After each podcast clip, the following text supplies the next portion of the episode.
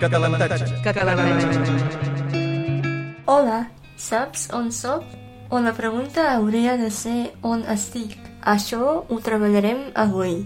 Benvinguts al primer capítol de Catalantatge, el podcast que intentarà ajudar-te a aprendre català i gaudir fent-ho.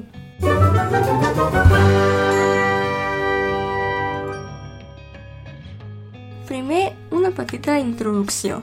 L'ús del verb ser i estar a català genera alguns dubtes, sobretot quan expressa ubicació. Per això veurem detalls de l'ús d'aquests verbs amb exemples. Les formes dels verbs ser i estar. El verb ser. Jo sóc. Tu ets. Ell, ella, vostè és. Nosaltres som. Vosaltres sou ells, elles, vostès són. El verb estar. Jo estic, tu estàs, ell, ella, vostè està. Nosaltres estem, vosaltres esteu, ells, elles, vostès estan. Fàcil. Doncs a veure els usos del verb ser. Primer, per indicar lloc puntual. La llibreria és al costat de, per exemple, el teatre. On és en Marc? És a l'escola. Així que utilitzem el verb ser tant per la pregunta com per la resposta. El llibre és al calaix. On són les samarretes? Les cireres són dins el bol. El casament és en un lloc especial. El gos és al parc amb la nena. Res difícil. Per indicar temps puntual. A les 9 serem al cinema. L'excursió serà el dissabte vinent. Qualitats o estats permanents. En Fabià és alegre. La Laia és morena. El Pere és molt blanc. Parlaré d'això una mica més tard quan vegem algunes cosetes del verb estar. Bé? El verb ser s'utilitza també per indicar pertinença o origen. La Montserrat és de Palafrugell. La casa és de la Carmen. Aquest cotxe és meu. Estats civils. En Pau és o està casat.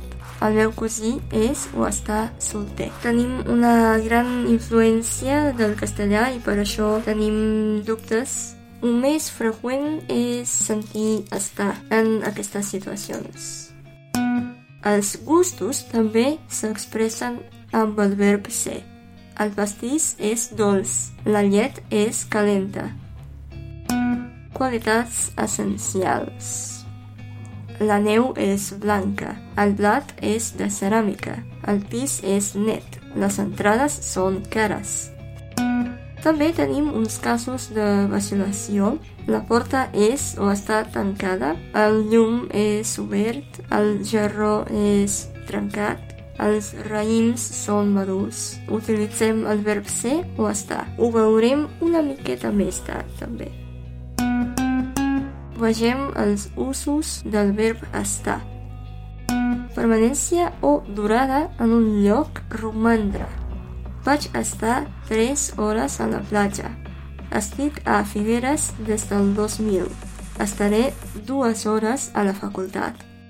Utilitzem aquest verb per expressar qualitats o estats no permanents. I aquí la primera cosa que he dit que veurem una miqueta més tard.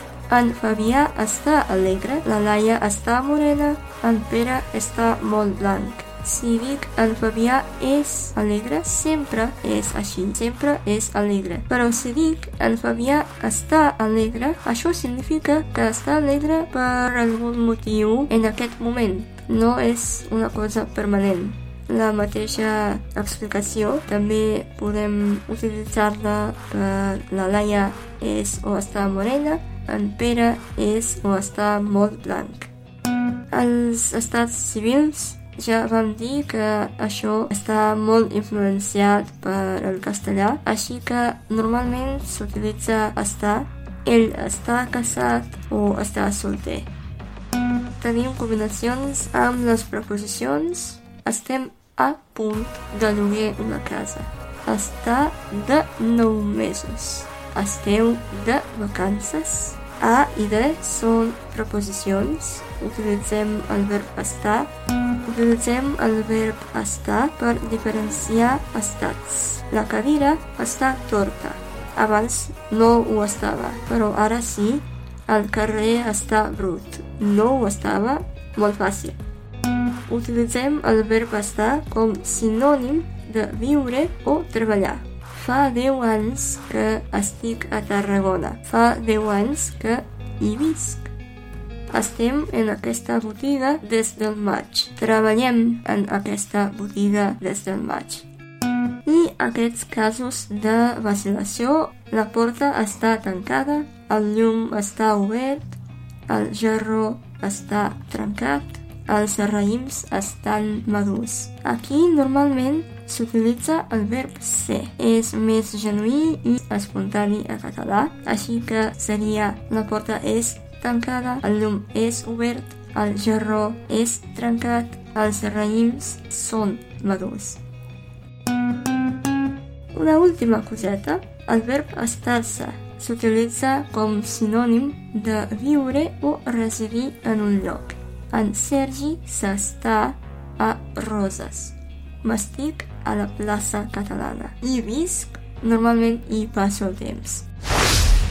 Espero que no hagi sigut molt difícil. Demà sortirà un vídeo amb subtítols català, castellà i anglès. Potser en serbi, però no estic segura. Aquestes llengües sí. Això serà cada dilluns després del podcast. Sortirà un vídeo a YouTube amb subtítols per a aquelles persones que ho prefereixin i espero que això també us resulti útil. Una abraçada i gaudeixi del català.